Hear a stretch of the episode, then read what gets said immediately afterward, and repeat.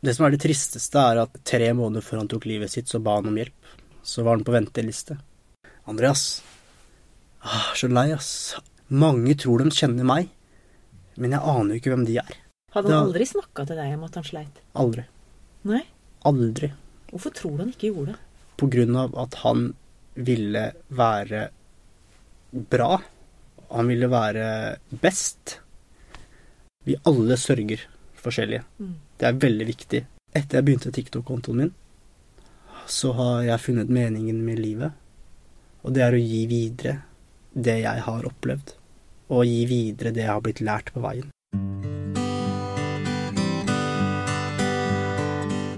Velkommen til en ny episode i Selvmordspodden.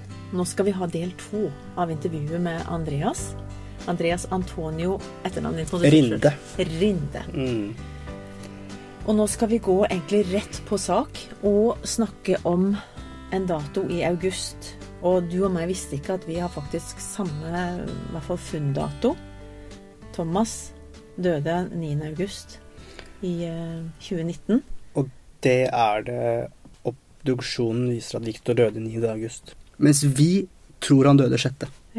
Derfor skrev vi sjette. Men du er ganske tøff som sier at du kan fortelle denne historien. Så nå skal du bare få lov til å Mm. bruke dine egne ord og fortelle. Hva skjedde der i begynnelsen av august?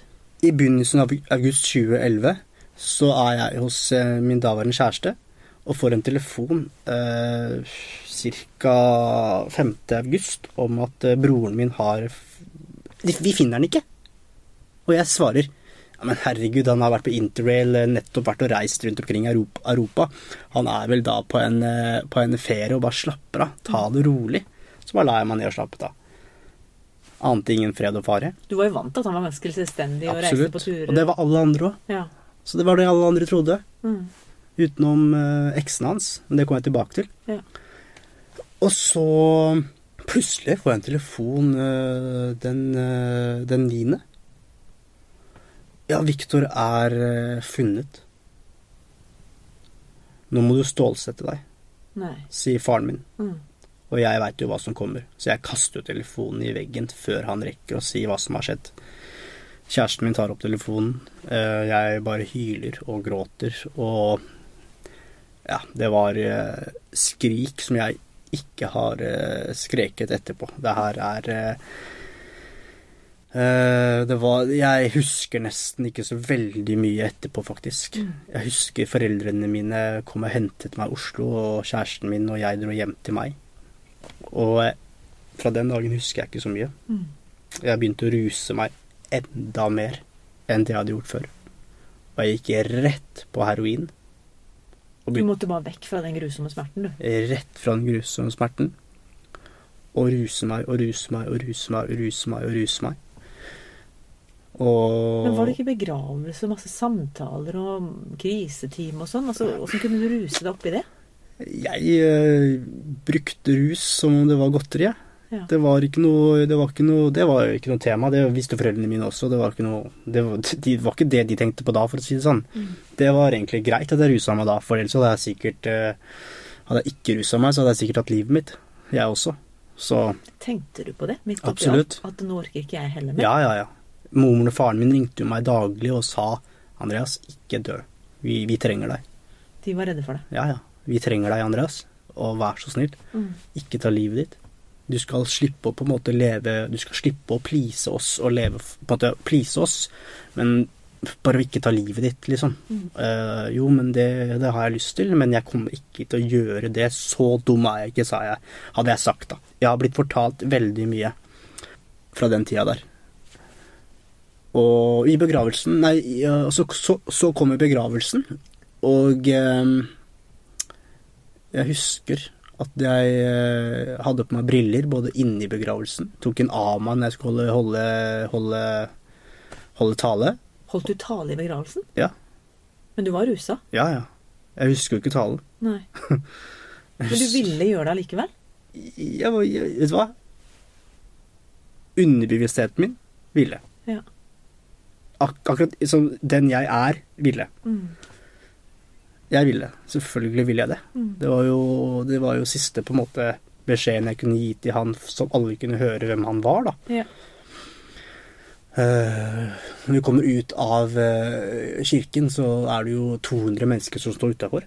Og så er det 200 mennesker inne i kirken. Det er overveldende.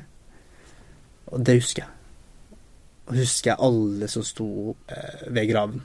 Alle kollegaene til Viktor. Som jeg sa til forrige episode, han, eh, han sleit med avvisning. Han sleit med å føle seg dårlig. Men hvordan visste du alle disse tingene? Hadde Viktor noen gang snakka om dette? Hadde du noe peiling på at han gikk med selvmordstanker? Han skrev et brev. Dere fikk et brev, avskjedsbrev? Da sto det, eh, nesten ordrett Jeg har slitt i alle år. Nå orker jeg ikke mer. Dere skal vite at jeg elsker dere alle sammen. Så skrev han personlig brev til meg. Mm. Personlig brev til pappa, mamma, bestevennen sin og eksen sin. Eller daværende kjæresten sin, da. Mm. Og jeg øh, var jo så rusa på den tida at jeg trodde at det sto 'glad i deg' til meg. Mm. Det var det mitt hode trodde. Til meg, personlig brev til meg, så sto det 'du må være sterk'. Dette her får du til. Jeg elsker deg, sto det. Oi. I mitt hode trodde jeg jeg sto 'glad i deg', så jeg var dritsur på han. Mm. Skriver du 'glad i deg' før du skal ta livet ditt, liksom? Mm. Og så bestemte jeg meg for et halvt år senere om å lese brevet igjen, da, og da så jeg 'oi, faen, det sto 'elsker deg'. Mm. Liksom, bare det var sånn Alt var surrealistisk, ikke sant. Han ute i en skog det var, Ingenting stemte med hva jeg og foreldrene mine tenkte. Så vi begynte å undersøke, da, og fikk høre at eh, dagen før han forsvant, så hadde han følt seg avvist av vennene sine. Noe som ikke er tilfellet. Mm. Og hadde kranglet med kjæresten sin. Og sagt til bestevennen sin at 'jeg vil ta livet mitt'. Og så forsvinner han. Mm. Så Så de ble bekymra? Eh, Eksen til Viktor og flere ekser av Viktor, de visste det hadde skjedd. De var sånn etterkant, de var sånn Han har forsvunnet, han, tatt, han, han, har, han kommer til å ta livet sitt. Fordi de kjente ham personlig fra forhold, tidligere forhold. Men de var jo ikke 100 sikre, ikke sant? så de kunne jo ikke skrike ut at han hadde tatt livet sitt. Det, ikke, det er ikke det. Men i ettertid så sa de at eh, han har vært suicidal veldig lenge. Men det hadde ikke du fått med deg? Nei, det hadde ikke jeg fått med meg. Hadde han aldri snakka til deg om at han sleit? Aldri. Nei? Aldri. Hvorfor tror du han ikke gjorde det? På grunn av at han ville være bra. Han ville være best. Kanskje ikke bedre enn andre, men han ville i hvert fall være veldig, veldig god i alt. Han ville få til alt. Og tror du han, han var redd for at du også skulle avvise han hvis han hadde fortalt hvordan han hadde det? jeg tror han var redd for at alle skulle avvise han. Okay. For han var jo den som alle så opp til. Viktor var den som Jeg husker han sa noe veldig trist til meg. Andreas, ah, så lei, ass. Mange tror de kjenner meg, men jeg aner jo ikke hvem de er. Mm. Tenkte jeg sånn, det må, det må være litt sånn trist, tenkte jeg. Måte. Tror du han følte seg ensom? Ja, det, i det så høres det ut som det ligger en ensomhet i det han sa der, tror jeg. Jeg tror han visste innerst inne at han sleit.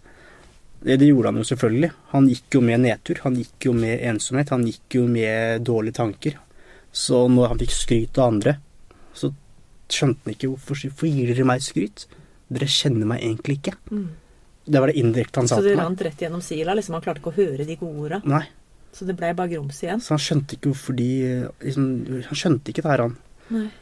Eh, Men, men Andreas, du fikk jo masse behandling og greier i dette her. Du sier du hadde tre innleggelser, og du fikk lov å gå Eller snakka med masse terapeuter, og du var den som på en måte Du rusa deg med, med din problematikk. Ja, men han, ba han aldri om hjelp, eller hadde han ikke noe som gjorde at han fikk noe hjelp sjøl? Det som er det tristeste, er at tre måneder før han tok livet sitt, så ba han om hjelp. Oi. Så var han på venteliste. Men jeg tror ikke det er jeg, jeg tror broren min ikke var ærlig med legen. Jeg tror han sa 'jeg sliter psykisk', ferdig med det. Okay. Hadde han sagt 'jeg sliter med selvmord', 'jeg er suicidal', mm. så kunne da tror jeg prosessen hadde gått mye fortere. Det tror jeg. Mm. Det velger jeg å tro på. lenge blama jeg staten, men det er ikke statens feil, dette her. Det her er en syk, syk eh, eh, Det var en syk, syk eh, mann som mest sannsynlig var psykotisk i øyeblikket og de dagene han var borte. Han var tre dager borte, Mm. og obduksjonen viser at han tok livet sitt den niende. Hvor var han i tre dager? Mm. Så vi valgte å sette dødsdatoen den sjette, da han dagen etter han forsvant. Ja. Det var vår måte å på en måte Det var det vi ville, holdt jeg på å si. Mm. Men hva gjorde dette her med deg? Jeg mistet meg selv. Jeg hatet alle. Jeg hatet uh, faren min, moren min. Jeg hatet uh, vennene til Viktor. Jeg hatet staten. Jeg kunne ikke fordra folk. Bare jeg så et menneske smile, så tenkte jeg ikke smil. Mm. Hvorfor smiler du? Du har ikke rett til å smile. Alt dette her var bare en stor illusjon om at eh, det var alle andres feil. Det var ingen andres feil. Det var ikke broren sin, mine sine venner sin feil. Det var ikke dems feil, det var ikke eksen til broren min, det var ikke staten. Alt var bare unnskyldning for at jeg skulle klare å overleve igjen. Mm. Det var overlevemekanisme, det òg. For uka etter broren min tok livet sitt, så lagde jeg bråk nede på den lokale puben. ble kasta ut. Men siden de visste at broren min tok livet sitt, så fikk jeg lov til å komme dagen etter, så lagde jeg bråk igjen. Jeg var bare tullebukk. Mm. Jeg var idiot. Jeg var slem. Jeg var eh, det var din måte å håndtere den, Ja. den smerten på? Ble- For noen snakker jo om at etter et selvmord så er det veldig varmt, du får mye omsorg det er... Men, men du, Eh, du takka ing- nei til den, du. Yes. Jeg takka ja til rus, Ja. og det kunne jo ikke dem gi meg. Nei. De, de kunne gi meg en klem. Jeg skulle faen ikke ha noe klem, jeg. Jeg skulle ha rus, jeg. Jeg måtte døyve smertene. Noen døyver smertene sine med å få masse roser. Mm. Jeg, mamma ville ikke ha det på døra. Eh, Noen døyver smertene sine ved å, ved å snakke om det. Snakke det i hjel, rett og slett, med en eneste gang. Noen bruker alkohol. Noen øh, tar livet sitt selv, for faen. Og noen øh, gjør som meg, begynner å ruse seg. Og noen bretter opp armene og skjerper seg, rett og slett, og snur helt om. Og blir et bedre menneske med en gang. Vi alle sørger forskjellige. Mm. Det er veldig viktig. Det lærte jeg etterpå. Det skjønte jeg ikke da. Jeg skjønte ikke hvorfor pappa klarte å gå på jobb. Jeg skjønte ikke hvorfor mamma klarte å gå 50% på jobb. Jeg skjønte ingenting. Jeg hata dem. Mm. Faen klarer dere å gå på jobb for? Mm. Bryr dere dere ikke, liksom? Bryr du dere ikke? Mm. Men de brydde seg utrolig mye, da. Det var eh, den Jeg har aldri sett faren min bry seg så mye om meg. Jeg har aldri sett moren min bry seg så mye om meg eh, som på de, den perioden der. Kan jeg spørre hva slags hjelp du fikk, Andreas? Helt konkret, liksom? Etter Ingenting. den 9. august. Ingenting. Det var ikke noe tilbud om krisehjelp eller Ingenting. psykologer eller noen ting. Du fikk bare gå der, ruse deg og være voldelig og sint på verden? Moren min og faren min og jeg dro til legen mm, vår. Alle har samme lege. Han sa det er dessverre ikke noe ledig. Og det er ikke hans feil, det. At ikke det er noe ledig. Mm. Han får ikke gjort noe. Men det han gjorde, var å, å anbefale oss til en privat, da, selvfølgelig. Men hens, jeg var rusavhengig, rusmisbruker. Vi skulle ha de møtene. Jeg kom jo rusa dit. Ikke sant. Det var Det var ikke noen som øh, På den tida så var det ikke På den tida, det var da Leve begynte. Organisasjonen Leve. Ja. De spurte om jeg ville være med å starte det. Jeg hadde ikke kapasitet til det. Det må ha vært en grunn til det. Du, var du litt åpen der òg? Selv om ikke du hadde TikTok-konto på den tida. Var du litt sånn at du kunne snakke om det midt oppi kaoset ditt? Jeg har, alltid, jeg har alltid vært en åpen person. Ja. Jeg har alltid vært en person som eh, svarer på det jeg blir spurt om. For det, er, det handler om respekt, og det handler om at jeg eh, jeg, eh, opp, jeg, jeg har lyst til å jeg, Ok, det ligger vel kanskje litt i meg, da. At jeg liker, jeg liker jo liksom å bli Jeg syns det er kult å bli likt, da. Ja. Ligger jo i meg. Liksom, det ligger kanskje Jeg tror det ligger i alle. Men så har man jo graden i det, da. Eh, og Det er jeg noe der all you need is love. Altså, det er jo Ikke sant? bare tull. Vi, vi jakter jo på det. Absolutt. Å oppnå altså, om det er kjærlighet eller anerkjennelse, og det er for noe, så er jo det en del av oss. Ja, og eh, noen er sånn som når du blir, når du blir spurt om noe, holder helt munn. Mens jeg er den som prater. Ja. Jeg åpner meg, jeg. Jeg syntes det fortjener det mennesket som spør meg om noe. Da, da, da, da svarer jeg. Men hvordan var veien din da? Altså 2011, det er faktisk ti år. Det er ti år siden nå. siden nå.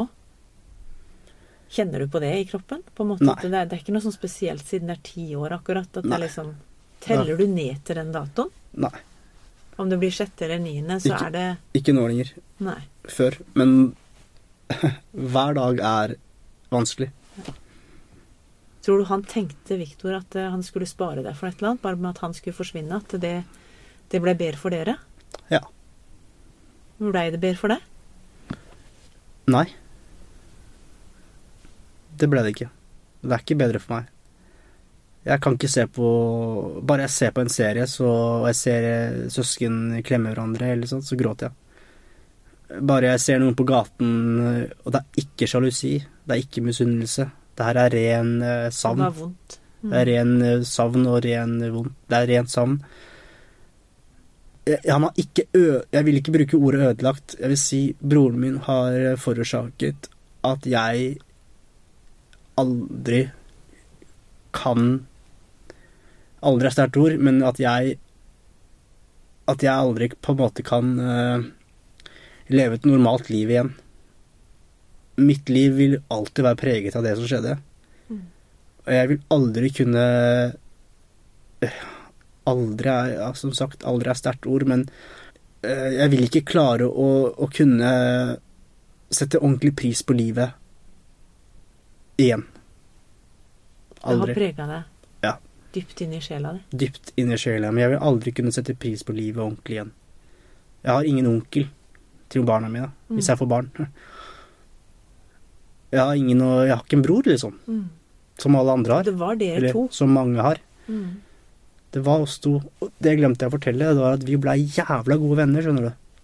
Når du blei litt eldre. Når jeg var 19-18, 18-årsdagen min, Mm. så, så ga han meg en bok. Og så sa han vet du hva, jeg vet at ikke du liker å lese. Og så ga han meg inni boka var det sånne notater. Så sa han skriv notater fra boka. Mm. Og når du har lest den ferdig, så stikker vi på byen sammen. Oi. Og det gjorde vi, da. Det var, Hjemmelekse. det var heftig, altså. Ja. Dro på byen med broren min. Det Ah. var fett, altså. Det var litt Han og vennene hans, liksom. Det var stort for meg. Det var jævla stort for meg. Det var sånn, Victor, når Victor, Victor gikk på båten, så hilste alle på han, jo. Det var sånn 'Halla, Victor, halla, Victor, halla, Victor, halla, Victor'. halla, Så han var en som alle kjente. Mange kjente, ja. Mange Men- kjente han. Mange kjente, men ingen visste egentlig. Ingen visste egentlig Og det sa han jo indirekte til meg. Hadde, jeg bare vært litt Hadde jeg bare, hadde han sagt det til meg i dag, Ja. så kunne jeg reflektert over det. Mm. Jeg var så liten når han sa Alle tror de kjenner meg, men jeg kjenner ikke dem. Liksom Det han egentlig ville si, var at eh, ingen vet egentlig hvordan jeg egentlig har det, Andreas. Mm. Jeg har det jævlig, liksom. Og de tror de kjenner meg. Men nå, nå begynner vi å, å gå mot slutten, dessverre. Det Mm. går jo bare på at du også skal ha en buss tilbake igjen til Oslo. Ja, nå skal Oslo? jeg tilbake til Oslo. Den går jo, om, eh, den går jo hvert øyeblikk. Ikke sant? Mm. Men, men helt på slutten, altså i 2017, så skjer det et eller annet med deg som gjør at du sier farvel til rus. Er det ikke fire år siden? Ja, når jeg var seks år, sju år, Ja. Er ikke det Eh, fire år siden nå? cirka. Ja. Hva skjedde da? Og så, nei, det som skjedde var at jeg la meg inn i sist, eh, min siste rusbehandling. Og det var ikke behandlingsplassen som gjorde meg rusfri. Eh, Det var når jeg kom ut, så tok jeg, så tok jeg og begynte på en skole. Og gikk der et år. Kan jeg spørre åssen skole det var? Bibelskole. Oi. Så jeg begynte på bibelskole i Oslo. Og gikk der et år. Og det forandret livet mitt. De prinsippene de har der Det er mye som kan diskuteres når det gjelder Bibelen. Ja. Det er mye som kan diskuteres hva som står i Bibelen. Men én ting som skal være sikkert eh, De tolv bud, det er alfa og omega for meg. Jeg lever etter de tolv bud. Jeg lever etter Du skal ikke ljuge, du skal ikke, la, du skal ikke være slem, og du skal elske de neste, osv. Det er de budene jeg lever etter. Broren min prakka på meg å bære kors. Han fortalte ikke hvorfor. Mm. Han sa bare 'bær det her'. Det her må du bære. Jeg Han ville beskytte deg, vet du. yes, og jeg spurte ikke hvorfor. Jeg bare, jeg bare jeg, jeg visste jo at det var gode verdier i, i, i kristendommen allerede som 19-20-åring. visste jeg. Mm.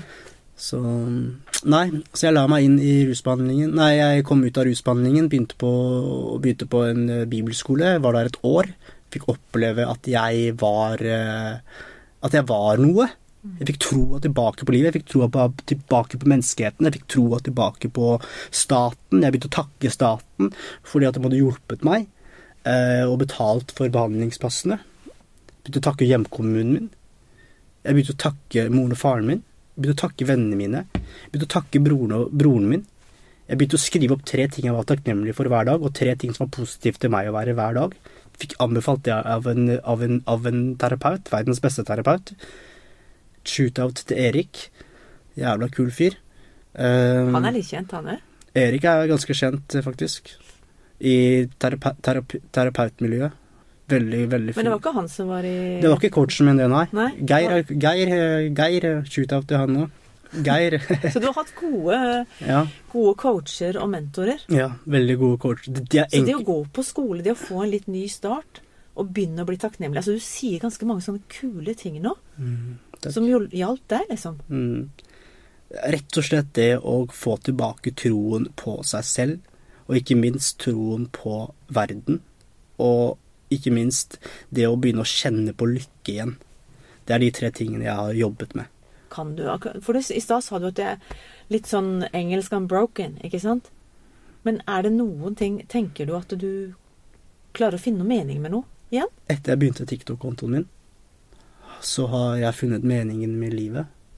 Og det er å gi videre det jeg har opplevd. Og gi videre det jeg har blitt lært på veien. Mm. Og jeg har fått trua på meg selv igjen. Og jeg opplever at jeg begynner å gå i samme bane som broren min. Med media, med Jeg er ikke noen komiker, akkurat, men eh, som han, den bransjen han var i. Men jeg, jeg i hvert fall jeg eh, jeg har alltid vært opptatt av å bli sett. Og nå, blir, jeg det for at jeg gjør noe bra, mm. ikke for at jeg gjør noe dårlig. Jeg har snakka litt om det der med å gi Thomas en stemme når ikke han har det lenger. Og på mm. en måte så føler jeg det er litt det du også gjør. Nettopp. Du gir Viktor en stemme. Altså han som ikke klarte å snakke om det. Ja. Så skal i hvert fall du fortelle verden om dette med at ikke det er flaut. At ikke det er noe skam med å ha vonde tanker og vanskelige opplevelser. Men at, altså den åpenheten du har. Du har søren meg sittet i et kurs nå med bare damer, og du har spretta ut livet ditt og snakka. Mm. Du er beintøff, Andreas. Takk. Jeg har så respekt for det. I like måte. Så hadde det ikke vært for at du skulle med bussen nå, så hadde jeg sagt ja, vi må snakke mer, men mm. vi får heller ta det igjen en annen gang. Ja. Jeg er veldig glad for at jeg ble kjent med deg. Takk. Og så tusen hjertelig takk for at du delte. Takk. Takk for at vi kom med. Til slutt har vi lyst til å fortelle deg hvor du kan få hjelp. Hvis du trenger akutt hjelp, må du ringe 113. Ellers kan du ringe Kirkens SOS, som er en døgnåpen krisetelefon. Du kan ringe Mental Helse, de er også døgnåpen. Og Leve kan du kontakte på nettet med leve.no. Det er en landsforening for etterlatte ved selvmord. Du kan også kontakte legevakten hvis det er akutt, på 116 117. Det er noe som heter Kors på halsen, som er Røde Kors sin uh, tjeneste. Det er en lavterskel samtaletelefon for barn og unge under 18. Så er det også stiftelsen Elpis, som gir mange ressurser og opplysning om selvmordsforebygging, og de arbeider for at selvmordsnære og deres pårørende skal få den hjelpen de trenger. Og stiftelsen Lillebrors minne har omsorg for etterlatte, og de har også en sånn sorgstøttetelefon på søndager. Alle disse kan du benytte deg av, og vi håper at du eh, blir med oss neste episode. Takk for nå.